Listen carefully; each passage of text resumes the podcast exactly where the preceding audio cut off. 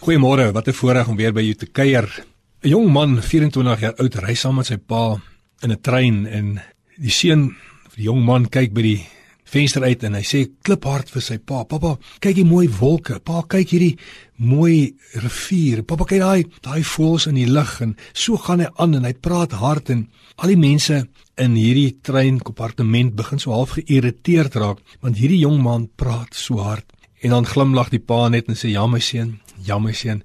En dan sê pa: "Kyk net daar, kyk net daar. Wow, dit is so fantasties." En die mense begin so onder mekaar praat en 'n man wat voor hulle sit, praat so vriendelik met die pa en hy sê: "Ekskuus meneer, ek wil nou nie iets graag sê nie, maar ek ken 'n baie baie goeie vriend. Hy's in die mediese beroep en hy kan dalk u seun help as daar 'n probleem is." En die pa kyk so vriendelik na die na die man en sê: Baie baie dankie. Ons kom nou net van die hospitaal af en uh my seun was blind gewees en hy het 'n operasie ondergaan, was geweldig suksesvol.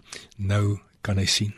Hoeveel maal is ons baie keer so half geïrriteerd oor mense om ons of of jy raak so fyn van draad wanneer mense jou dalk kwaad maak of iemand net iets hard sê. 1 Korintiërs 13 vers 4 sê ons moet leer om geduldig te wees want ons weet nooit daai persoon wat dalk voor ons sit daai persoon wat dalk voor ons staan daai persoon wat dalk langs ons sit in 'n restaurant en baie hard praat wie weet wat deur sy hart gaan en waar daai familie dalk deur gegaan het kom ons sit God se bril aan en kom ons kyk deur God se bril na mense en dan sal dit 'n vrede oor jou bring. Soos 1 Korintiërs 13:4 sê, ons moet geduldig wees. Tot 'n volgende keer. Mag die Here julle seën.